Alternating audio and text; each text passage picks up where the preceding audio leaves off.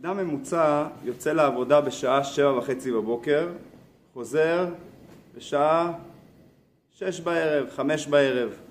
הוא חוזר מותש, עייף, אין לו כוח, אוכל משהו, מפטפט קצת עם המשפחה, הולך לארגן כמה סידורים בסיסיים עבור הבית, עבור הילדים, עבור האישה, ואופס, כבר הגיע הזמן לישון.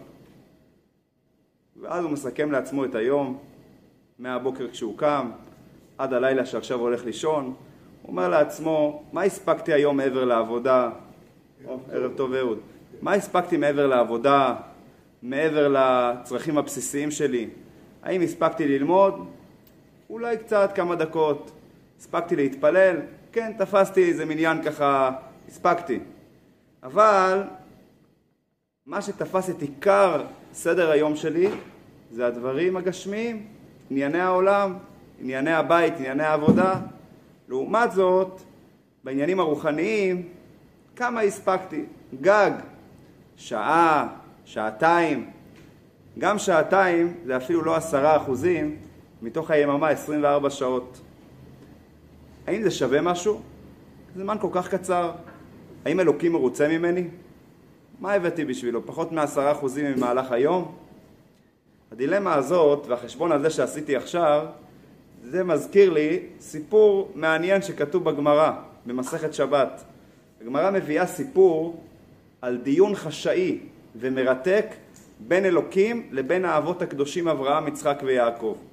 הדיון הזה, אומרת הגמרא, יתרחש לעתיד לבוא, שאלוקים יפנה לאבות ויתייעץ איתם מה לעשות לעם ישראל שחוטא לפניו. אומרת הגמרא, אברהם ויעקב יגידו לקדוש ברוך הוא, אם הוא חוטא לפניך, תטפל בו, תעניש אותו. יצחק ילמד זכות. מה יאמר יצחק? דבר ראשון הוא אומר, אתה פונה אליי בתור אבא של עם ישראל, זה הילדים רק שלי וגם ילדים שלך, אתה אבא שלהם, זה דבר ראשון. דבר שני, אומר יצחק לקדוש ברוך הוא, כמה האדם במוצא חי? יש פסוק בתהילים שאומר ימי שנותינו בהם שבעים שנה. אדם ממוצע חי שבעים שנה. מתוכם בעשרים שנה הראשונות לחייו האדם לפי התלמוד לא נענש. כמה נשאר לנו? חמישים שנה. מתוך החמישים שנה עשרים וחמש מתוכם זה יום, עשרים וחמש מתוכם זה לילה. פעם בשעות הלילה אנשים לגמרי היו בבית ישנים, לא, לא היה אור, לא היה חיים, לא היה עבודה. אז מתוך ה-25, מתוך ה-50 שנה, 25 זה לילה. אנשים בזמן הזה ישנים. כמה נשאר? 25 שנה.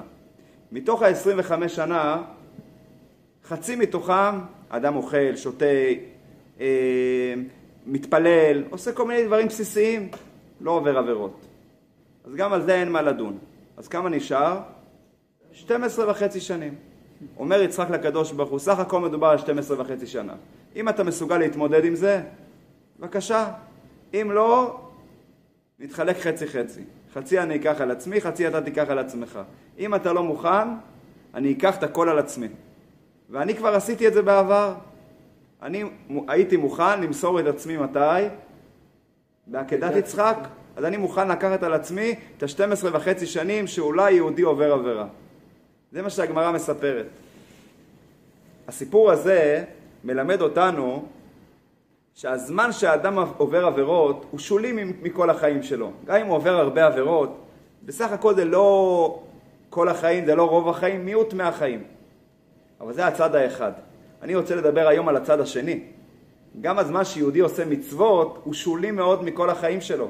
זמן קצר, הזמן שהוא לומד תורה, מקיים מצוות. אני לא מדבר על אברך כולל, תלמיד ישיבה, שזה, בזה הוא עסוק כל היום. אני מדבר על רוב האנשים. אז אם זה אפילו לא מגיע לעשרה אחוז מהיממה שלנו, אז האם אנחנו באמת עובדים את השם כנדרש?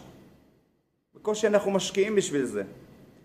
היום אנחנו נלמד את התשובה על השאלה הזאת, ואנחנו נלמד תשובה מעודדת. תצאו מרוצים בסוף השיעור, אבל היא גם מחייבת. את התשובה לזה אנחנו נלמד בעזרת השם דרך חג חנוכה שמתקרב ובא. נלמד היום על המסר החשוב של חג חנוכה, שייתן לנו גם תשובה לדילמה הזה שהעליתי בתחילת השיעור. בתפילת ועל הניסים שאנחנו אומרים בחנוכה, אנחנו בעצם מתארים את הנס הגדול שהקדוש ברוך הוא עשה לעם ישראל. נס ניצחון המלחמה של עם ישראל כנגד היוונים. בתחילת התפילה אנחנו מספרים כך: איך מלכות יוון הרשעה ניסתה להשכיח את התורה, להעביר אותנו מהמצוות, ואז איך אלוקים מסר את אותה אומה בידי עם ישראל, בידי החשמונאים. ואז התפילה מספרת את כל הניסים שנעשו לעם ישראל. מסרת, הקדוש ברוך הוא מסר גיבורים ביד חלשים ורבים ביד מעטים ורשעים ביד צדיקים וטמאים ביד טהורים וזדים ביד עוסקי תורתך. כמה חלקים אמרנו פה? חמישה חלקים. רבים מעטים, חלשים גיבורים, טמאים טהורים, רשעים צדיקים, זדים ועוסקי התורה. אם אנחנו ככה, איך אומרים, אה, ניכנס קצת לפרטי הנס הגדול שאירע לעם ישראל, על זה אנחנו מודים לקדוש ברוך הוא ועל הניסים להודות ולהלל לשמך הגדול, אנחנו נגלה שמתוכם יש ניסים גלויים ויש... או, שלום גבי. ברוך הבא. מתוך החמישה אירועים הללו יש ניסים גלויים ויש אירועים לכאורה מובנים מאליהם. שני הקטעים הראשונים שאנחנו אומרים בתפילת ועל הניסים, מסרת גיבורים ביד חלשים ורבים ביד מעטים. זה באמת נס גדול. הטבע אומר שמי אמור לנצח?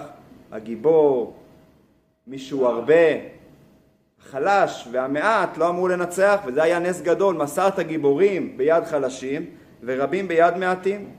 אבל שלושת הקטעים הנוספים, לכאורה לא כל כך מובן מה הסיפור הגדול. מסרת רשעים ביד צדיקים. מי אמור לנצח? רשע או צדיק? צדיק. טמאים ביד טהורים. מי אמור לנצח, הטמא או הטהור? הטהור. זדים ביד עוסקי התורה. מי אמור לנצח? עוסק התורה. אז למה אנחנו מציינים את זה בתור נס? מסרת רשעים ביד צדיקים, טמאים ביד, אה, ביד טהורים, זדים ביד עוסקי תורתך. לכאורה זה לא מובן מאליו. גיבור שחלש מנצח זה נס. הרבה שמעט מנצחים זה נס. אבל רשע, טמא וזדים שמנצחים אותו, הצדיקים, הטהורים ועוסקי התורה, זה לכאורה הדבר המובן מאליו. למה זה נס כל כך גדול? בשביל לקבל תשובה על השאלה הזאת, אנחנו נחזור קצת להיסטוריה של נס חנוכה. הנס הזה קרה לפני יותר מאלפיים שנה, באמצע תקופת בית, בית המקדש השני. באותה תקופה האימפריה היוונית שלטה בתוקף מאוד מאוד גדול. היא הייתה אימפריה של אנשים מאוד מלומדים, מאוד פילוסופים, מאוד חכמים, והעוצמה הזאת, הייתי אומר, הממלכה הזאת של יוון, משכה אליה הרבה הרבה אנשים באותה תקופה, אבל לא רק גויים סתם, גם הרבה הרבה יהודים.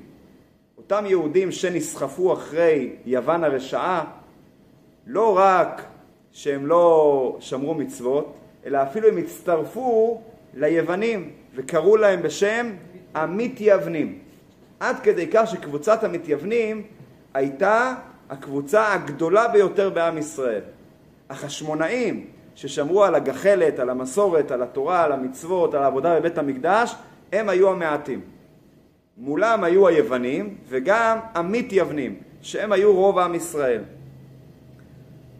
על פניו, במצב הזה של עם ישראל, שרוב עם ישראל מתייוונים, רובם התרחקו מהאלוקים, רובם התחברו למתנגדים שרוצים להשכיח את התורה, להשכיח את המצוות. על פניו, לפי ההיגיון, אלוקים צריך להסתכל על עם ישראל ולהתחשב ברוב. רוב עם ישראל לא בעניין. לא רק שהוא לא בעניין, הוא התחבר למי? לאויבים של עם ישראל. אז היה מצופה שהקדוש ברוך הוא יתחשב דווקא ברוב של היוונים. של המתייוונים. אבל כאן היה נס. הקדוש ברוך הוא נתן לאותם חשמונאים מעטים את הניצחון לא רק על היוונים, אלא גם על המתייוונים. על פי זה מסביר הרבי מלובביץ' הסבר נפלא ביותר בתפילת ועל הניסים. שאנחנו אומרים מסרת רשעים ביד צדיקים, טמאים ביד טהורים, זדים ביד עוסקי תורתך, כאן אנחנו מודים לקדוש ברוך הוא לא על הנס עם היוונים, אלא על הנס עם המתייוונים, שלמרות שרוב עם ישראל היה באותה תקופה רשע, טמא, זדים, בכל זאת הקדוש ברוך הוא לא התחשב עם הרוב, אלא הוא התחשב עם אותם מיעוט שהיו טהורים וצדיקים ועוסקי התורה. וכאן אנחנו רואים מסר חשוב שהקדוש ברוך הוא מעביר לנו, שהוא לא מתחשב עם הכמות, אלא עם האיכות. הכמות של עם ישראל הייתה יותר גדולה של רשעים, טמאים, הזדים. הקדוש ברוך הוא התחשב דווקא עם המיעוט. וזה מלמד אותנו, במיוחד בתקופה הזאת, התקופה המאתגרת הזאת, שאנחנו רואים כל כך הרבה אויבים מסביב, שהיום ממש ברגעים האלה חושבים איך להזיק לעם ישראל, איך לפגוע ביהודים, איך אה, חלילה להשמיד את עם ישראל. יש אנשים שעכשיו בכל העולם יושבים וזה מה שהם חושבים עכשיו. אנחנו זוכרים שאנחנו כמו כבשה אחת בין 70 זאבים. 70 זאבים, מה הם רוצים לעשות לכבשה? לטרוף אותה. אז למה הם לא מצליחים לטרוף? כי יש רועה. הרועה הוא בעצם מציל את הכבשה הקטנה והחלשה. מידי הזאבים הטורפים רוצים כל, כל הזמן לטרוף את הכבשה. מה נדרש מהכבשה בזמן הזה? שיש 70 זאבים שרוצים לטרוף אותה, להיות ליד הרועה, לזכור שהרועה מגן עליה, ולהיות כל הזמן צמודה, כמה שיותר אה, צמודה אליו, להתרחק, להתרחק מהזאבים. אז ברוך השם בימים האלה אנחנו רואים התעוררות מאוד גדולה בעם ישראל. לא כמו סיפור, ה... סיפור חנוכה שרוב עם ישראל היה חלילה מתייוונים. היום אנחנו רואים רוב עם ישראל בהתעוררות גדולה, מחפש את קרבת הרועה, מתפלל, מאמין באלוקים, מת... מתחזק במצוות. אז אנחנו בטוחים בעזרת השם שהרועה יגן וישמור אותנו, את החיילים שלנו, את כל התושבים שלנו בעזרת השם, והכבשה הזאת תנצח את כל הזאבים. התובנה הזו של חנוכה שדיברנו עליה עכשיו, על הנס הראשון של חנוכה, שזה נס ניצחון המלחמה. אבל היה עוד נס גדול בחנוכה, שזה נס פח השמן. שבגלל נס פח השמן, שהיוונים טימאו את כל השמנים שהיו בהיכל, ונותר רק פח שמן אחד חתום בחותמו של כהן גדול, שהיה מספיק רק ליום אחד, ובפועל הוא דלק שמונה ימים. בשביל הנס הזה אנחנו גם מדליקים נרות שמונה ימים. גם הנס הזה גם מסמל את אותו רעיון. פח שמן קטן, קטן, אור קטן, אבל איכותי. פח שמן חתום בחותמו של כהן גדול. ולמרות שהיה הרבה חושך, הפח השמן הקטן האיכותי הצליח לדלוק שמונה ימים, שזה מראה על האיכות שמנצחת גם את הכמות. אגב, הנס הזה קורה כל פעם שמדליקים אור. כל פעם שמדליקים נר. הנר הוא קטן, מעט אור, דוחה הרבה חושך. אז זה בעצם גם המסר של הנס השני של חנוכה, נס פח השמן, שאנחנו רואים איך שנר קטן דוחה חושך גדול, איך שפח שמן אחד דלק שמונה ימים. זה בעצם התשובה לדילמה שבה פתחנו את השיעור. אתם לא הייתם, עכשיו תוכלו לשמוע את הדילמה. פתחנו את השיעור ושאלנו, איך יכול להיות אדם שרוב היום שלו מתעסק בענייני חולין, בעניינים של עבודה, בעניינים של גשמיות, ספורט, שינה, אוכל, דברים של גשמיות, כסף. הוא מתעסק בעניינים של, של העולם, עולם מלשון נעלם, דברים שלא לא רואים בהם את הקדוש ברוך הוא, דברים שגם גוי עושה, אותו דבר בדיוק, הוא גם אוכל, הוא גם שותה, הוא גם עובד, הוא גם מתפרנס. רוב היום של האדם עסוק בדברים האלה. אז אם כך, אדם שואל את עצמו, האם אני באמת קרוב אל השם? האם אני עובד את השם? האם מי שעובד את השם זה רק מי שלומד בישיבה או אברך כולל שרוב היום שלו עסוק בענייני קדושה?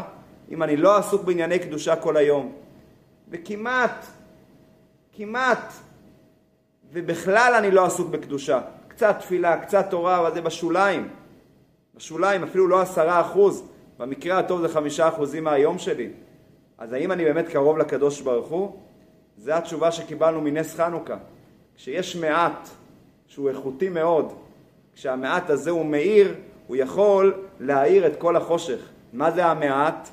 כי נר, מצווה ותורה, אור. כשיהודי מקיים מצווה מכל הלב, כשיהודי מקדיש זמן ללימוד תורה, והוא מתייחס אל הלימוד תורה לא כדבר צדדי. זה אומנם קטן בכמות, הוא לא לומד תורה כל היום, אבל זה גדול באיכות. שם ההתרגשות, ההתלהבות שלו, עם זה הוא חי, עם זה הוא מתרגש, הוא מחכה לזה כל היום. אז למרות שזה רק זמן קצר, אבל הכוח האנרגטי הזה של התורה, של המצווה, זה הופך אותו לעובד השם על כל היום כולו. וכאן אני רוצה להגיע לנקודה נוספת. זה משפיע עליו לא רק על הזמן שהוא לומד, זה משפיע גם על היום כולו, כמו שאנחנו נרחיב בזה בהמשך, שכל היום נהפך להיות מואר, נרחיב על זה בהמשך. אבל לפני זה אני רוצה לספר לכם משל יפה משני חברים טובים. שני חברים טובים, אחד היה ראש ישיבה גדול, השני היה סוחר גדול, ביזנסמן. חברים טובים. נולד לשניהם בנים. הבנים היו בני אותו גיל. גדלו הילדים, אחד בביתו של ראש הישיבה, השני בביתו של הביזנסמן. עברו כמה שנים, גדלו הילדים, הגיעו כבר, הקימו בתים משלהם, וכאן קרה דבר פלא. הבן של הראש ישיבה נהפך להיות סוחר גדול, ואילו הבן של הסוחר הגדול נהפך להיות ראש ישיבה. יום אחד נפגשו שני החברים, האבות, ראש הישיבה והסוחר, ודיברו ביניהם על הדבר המוזר הזה, שדווקא בביתו של ראש הישיבה גדל הביזנסמן, ובביתו של הסוחר גדל ראש ישיבה. איך זה קרה? אז הם אמרו לעצמם, אנחנו צריכים לפתור את ה... לפתור פה את הדבר התמוה הזה, בואו נקרא לילדים. קראו לשני הילדים ושאלו אותם, איך זה קרה? גדלתם בבתים שונים, ואתם גם, אתם אה, שיניתם את האורח חיים של אבא. אתה נהפכת להיות ראש ישיבה, אתה נהפכת להיות סוחר, לא ראיתם את זה בבית. איך אתם מסבירים את זה? ואז שניהם ענו תשובה, תשובה דומה, אבל הפוכה. הראשון סיפר ככה, הראשון זה היה הבן של ראש הישיבה. הוא אומר, תשמע, הוא היה סוחר. הוא אומר, אני הגעתי הביתה מוקדם. אבא שלי היה בישיבה כל היום, לא ראיתי אותו. הוא היה מגיע חצי שעה ביום, ככה בסוף היום, היה מגיע, היינו רואים אותו קצת. מה הוא היה עושה אחרי כל היום שלמד תורה? היה לוקח קצת, מקשיב קצת רדיו, היה קצת פותח עיתונים להתעדכן מה קורה בכלכלה, במסחר, בחדשות, קצת לדעת מה קורה. זה מה שאני פגשתי את אבא, זה היה אבא שלי. שם ראיתי את ההתלהבות שלו, שם ראיתי את ההתעניינות שלו, זה מה שפגשתי. מה הוא עושה בישיבה כל היום אני לא ראיתי, כי לא הייתי שם. אמרתי לעצמי, כנראה זה הדבר באמת המעניין והחשוב בחיים, וכשגדלתי גם נהפכתי להיות סוחר. ואז ממשיך הראש ישיבה, שהוא הבן של הסוחר. ואז הוא ממשיך ואומר, קרה לי בדיוק אותו דבר, אבל להפך. אבא שלי כל היום בפגישות עסקיות, רץ מפגישה אחת לפגישה שנייה. יש לו חצי שעה במהלך היום שהוא מגיע הביתה. כשהוא מגיע הביתה, אני רואה אותו מתנפל, לוקח איזה חומש, לוקח גמרא, לוקח איזה מאמר חסידות, מתנפל על זה בהתלהבות כל כך גדולה, לא היה לו את זה כל היום. אמרתי לעצמי, אומנם אבא כל היום מתרוצץ, אבל איפה הלב שלו? מה הוא חי, ממה הוא מתרגש? מהזמן של הלימוד תורה. כשאני אהיה גדול, אני אשקיע את כל החיים שלי בדבר הזה. וככה נהפכתי להיות ראש ישיבה. זה משל יפה שממחיש לנו שכל העניין זה לא הכמות, אלא איפה נמצא הלב של האדם. יש אדם שהלב שלו נמצא אתה יודע, בוא נדבר חיובי. אם הלב שלך נמצא בדברים טובים, בדברים של מצוות ומעשים טובים, בלימוד תורה, בדברים חיוביים, אז גם אם כל היום אתה מתעסק בדברים אחרים, אבל כאן הקצר בכמות הוא הגדול באיכות. וזה בעצם האור הזה שאמרנו, נר קטן, אבל הנר הקטן הזה הוא משפיע ואנחנו צריכים לדעת לייקר אותו, לדעת שזה באמת הייתי אומר, הנר הקטן הזה הוא האור הגדול של החיים שלנו. וכמו שאמרתי קודם, כאשר אדם מקדיש את הזמן הקצר, בכמות, הוא מקדיש את הלב שלו, הוא מקדיש לשם את ההתלהבות שלו, זה משפיע גם לחיי היומיום שלו.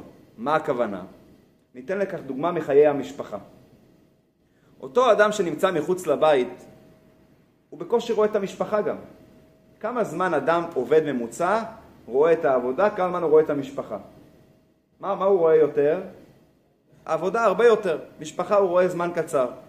אבל מה חשוב לו יותר? משפחה, כך צריך להיות לפחות. מי שזה לא ככה זה לא דבר טוב. מה שחשוב לו באמת זה המשפחה. יתרה מכך, זה לא רק שזה חשוב לו יותר, בשביל מה הוא עובד? בשביל מי הוא עובד? הוא עובד בשביל לפרנס את המשפחה. אז כך שאומנם בכמות הוא רואה אותם פחות, אבל באיכות זה הדבר המרכזי, זה הדבר החשוב לו. כל הסיבה שהוא עובד זה בשביל זה. יתרה מכך, מה יקרה אם יש התנגשות בין העבודה לבין המשפחה?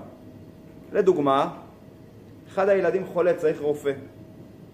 דוגמה נוספת, יותר טובה, יש שמחה משפחתית. מה עושה אותו אדם? עוזב את העבודה והולך לקחת את הילד לקופת חולים, או לקחת את, ה... את, ה... את המשפחה לשמחה המשפחתית. זה הדבר החשוב לו. כאן אנחנו רואים, כשיש התנגשות בין השניים, אנחנו רואים מה באמת חשוב לו. ואדם כזה, שבאמת המשפחה זה הדבר שבשבילו הוא עובד, בשבילו הוא מוכן גם לוותר כשיש צורך, אדם כזה, גם אם רוב היום הוא עובד והוא לא נמצא בבית, אבל אפשר להגיד שכל היום מוקדש למשפחה, נכון? רוב היום מוקדש למשפחה באופן נסתר, כי הוא עובד, וחלק קטן מהיום מוקדש למשפחה באופן גלוי. אבל גם כשהוא עובד בעבודה, זה גם בשביל המשפחה. אז זה הדוגמה. מה הנמשל? הנמשל זה יהודי שרוצה בקרבת השם. הוא מתעסק בפרנסה, אבל מה שחשוב לו זה המשפחה. אבא שבשמיים, זה המשפחה שלנו, זה מה שחשוב לו. אז לכאורה, אמנם הוא מתעסק בדברים גשמיים כל היום, אבל למה הוא מתעסק בזה? כדי לעבוד את השם. איך הוא יעבוד את השם אם אין לו רכב, אם אין לו דירה, אם אין לו אוכל, אם אין לו אפשרות להתקיים, אם אין לו אפשרות לפרנס את המשפחה? אז הוא עובד כדי שיהיה לו פרנסה. אבל למה הוא רוצה פרנסה? כדי שהוא יוכל לעבוד את השם. כל מעשיך לשם שמיים. הוא עובד כדי לעבוד את השם. איך אני אדע באמת אם זה הסיבה שהוא עובד או לא? מה היה ההוכחה מקודם? מה קורה כשיש התנגשות? איזה התנגשות יכולה להיות? אם בעבודה שלו פתאום יש צורך לשקר קצת כדי להרוויח יותר. צריך קצת לרחל על מישהו, איך אומרים, קצת אה, להוריד מישהו, ועל ידי זה הוא ירוויח את העסקה. צריך לחלל שבת כדי להרוויח יותר. אז יש התנגשות בין שני הערכים, בין העבודה לבין המשפחה, משפחה הרוחנית, לבין אבא שבשמיים. אם אדם בכזה מקרה מוכן לוותר על העבודה בשביל הקרבה לאלוקים, זה מראה שמה שמניע אותו כל הזמן באמת זה לעבוד את השם, בשביל זה הוא עובד. אז יוצא אם כן, כמו שאמרנו קודם, שכזה יהודי, כל היום שלו זה עבודת השם. חלק קטן זה עבודת השם בגלוי, אבל רוב היום זה עבודת השם באופן נסתר, כי הוא עובד קשה לפרנסתו, כדי שהוא יוכל להגיע לשיעור, כדי שהוא יוכל לתת צדקה, כדי שהוא יוכל לעבוד את השם אה, אה, בתפילה, במצוות וכן הלאה. אז אם ככה, כל מעשיך, כל העבודה שלו, היא בעצם קשורה לאותו חלק קטן ואיכותי, לאותו אור הקטן שמאיר בעצם את כל היום שלו. המסר החזק הזה שלמדנו מחנוכה, רש"י מביא לנו את זה בתחילת פרשת שלנו, פרשת וישב. רש"י מתייחס לתופעה מאוד מעניינת שחוזרת על עצמה בתורה, רש"י מביא שלוש דוגמאות. דוגמה אחת מנוח, דוגמה שנייה מאברהם, דוגמה שלישית מיעקב.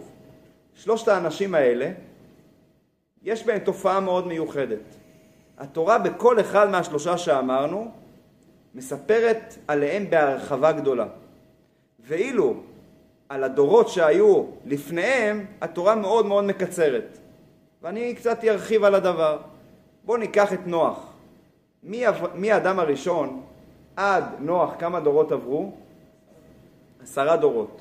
התורה ממש מקצרת בכמה מילים בכל הדורות האלה, היא רק מספרת שהם נולדו, הקימו משפחה ומתו, ובכמה פסוקים היא מקצרת. כשהיא מגיעה לנוח, פרשה שלמה פרשת נוח. אחר כך תופעה חוזרת על עצמה. מנוח ועד אברהם כמה דורות?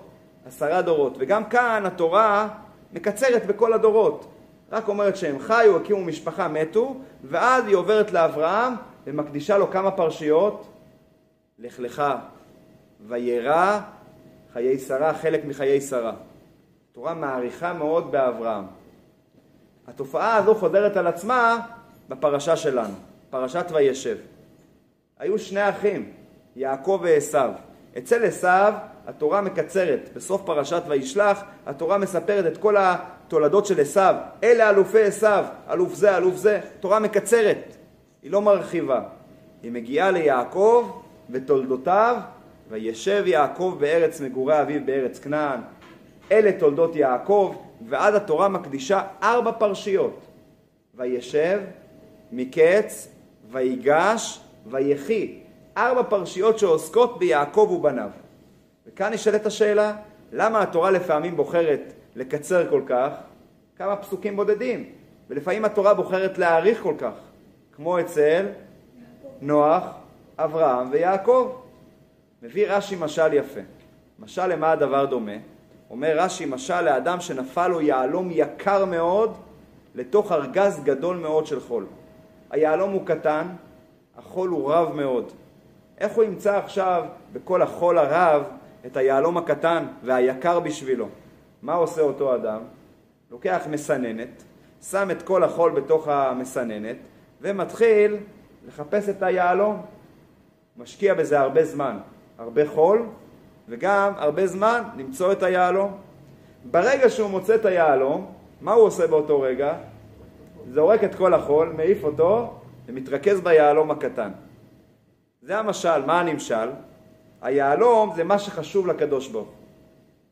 מי חשוב לקדוש ברוך הוא? ונוח מצא חן בעיני השם.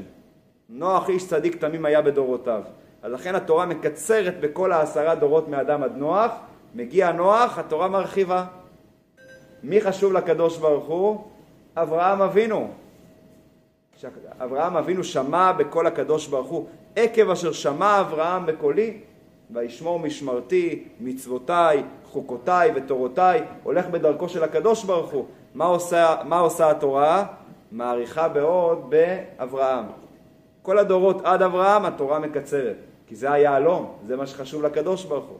אותו דבר אצל יעקב ועשו. עשו היה איש רשע, יעקב איש תם יושב אוהלים, לכן התורה מקצרת בעשו ומאריכה ביעקב. כלומר, התורה מאריכה ביהלום, בחול התורה מקצרת כי זה לא חשוב, זה אומנם הרבה. אגב, עשרה דורות מאדם ועד נוח, רק שתבינו, מדובר יותר מאלף שנה. יותר מאלף שנים, התורה ככה מקצרת, עוברת על הכל. כשמגיע דבר חשוב, התורה מרחיבה. אגב, ככה זה גם בהמשך התורה, התורה, התורה מאוד מרחיבה כשמדובר על המשכן. כל הקמת המשכן הייתה רק חצי שנה. מאז יום כיפור, חצי שנה אחרי יציאת מצרים, שאז הקדוש ברוך הוא ציווה לבנות את המשכן, עד ראש חודש ניסן, שאז הקימו את המשכן, חצי שנה. התורה מקדישה לזה פרשת תרומה, תצווה, כי תישא, ויקל פקודי, כמעט חמש פרשיות התורה מקדישה. למה? כי זה היהלום. חצי שנה התורה מקדישה לזה חצי ספר, חצי ספר שמות. פה מדובר על אלף שנים, התורה מקצרת. כי השאלה היא מה היהלום ומה החול. ביהלום התורה מרחיבה, בחול התורה מקצרת, כי זה לא מעניין, מחפשים רק את היהלום. כך כל יהודי צריך להסתכל על החיים שלו. גם אם רוב היום אנחנו מתעסקים עם חול, חול תרתי משמע, כן? גם חול שזה פחות חשוב, וגם בענייני החול, ענייני חולין. אבל הוא צריך לזכור מה המטרה. למה אני מתעסק עם החול? מה אני מחפש? יהלום. אני מחפש את התורה, את המצוות, את המעשים הטובים. אני צריך להתעסק עם החול כדי להגיע. צריך את הכסף, צריך אוכל, צריך דברים גשמיים, אבל מה אני מחפש עם כל החול הרב? אני מחפש את היהלום. אז אם אדם זוכר את זה, אז הוא באמת ממלא את תפקידו. לעומת זאת אדם שמתחיל לשחק בחול, וכמו ילד נשאר לשחק בארגז חול, הוא שוכח שצריכים לחפש את היהלום. אדם כזה הוא חוטא לתפקידו. אז אנחנו צריכים לזכור שהיהלום הוא קטן, לעומת החול הרב. אבל היהלום הזה מאיר אור יקרות, והיהלום הזה זה מה שבאמת חשוב, ומשפיע על החיים שלנו.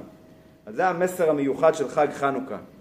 לדעת לייקר את היהלום, אותם מעטים ואותם חלשים, אבל מה הם היו? טהורים, צדיקים, עוסקי התורה. הקדוש ברוך הוא התחשב באיכות ולא בכמות. אז אנחנו צריכים לזכור, איך אומרים, להתמקד ביהלום, להתמקד באור, גם אם זה אור קטן והחושך הוא גדול, אבל האור הקטן, פח השמן הטהור, הוא באמת מה שמשפיע יותר מכל החושך הגדול הכמותי. ואם אנחנו נזכור שהאור הקטן הוא החשוב בחיים, אז אנחנו נשתדל גם לתת לו יותר זמן. אם אנחנו יודעים שזה הדבר החשוב, אז גם אם אנחנו עובדים קשה, אם אנחנו יודעים שזה היהלום, אז אנחנו נדע לייקר אותו, וגם להקדיש לו יותר זמן, וגם אנחנו באמת, גם כשעושים אותו, נעשה את זה ביותר התלהבות. ובעזרת השם נזכה בקרוב לאור הגדול שיזרח בקרוב ויגרש את כל החושך של הגלות, תכף ומיד בעזרת השם.